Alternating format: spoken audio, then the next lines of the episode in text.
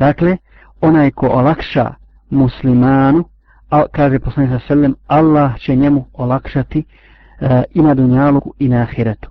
Ovdje učenjaci tumačeći ove riječi poslanika sa sellem, e, kaže se prije svega odnosi na dužnika. Dakle, onaj ko ima e, e, novac ili ko je posudio nekome nešto, pa taj ne može da vrati, dakle, neka, neka mu op, onaj, olakša, odgodi dug ili ono što je najbolje ako ne može nikako vratiti, da mu oprosti. E, jer sjetimo se također jedne predaje u kojoj se spominje da će čovjek doći na sudnji dan. Da će doći na sudnji dan pa će biti poveden u džehennem. U džehennem pa će ga Allah će pitati imaš li jedno djelo, znaš li jedno do, dobro djelo koje si uradio.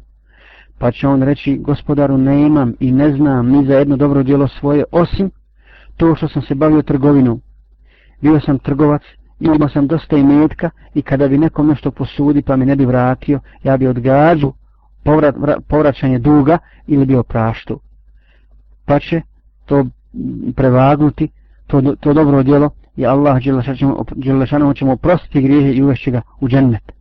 Dakle, e, ko olakša takvu stvar muslimanu, Allah Đelešanovu će olakšati njemu ispit na sudnjem danu.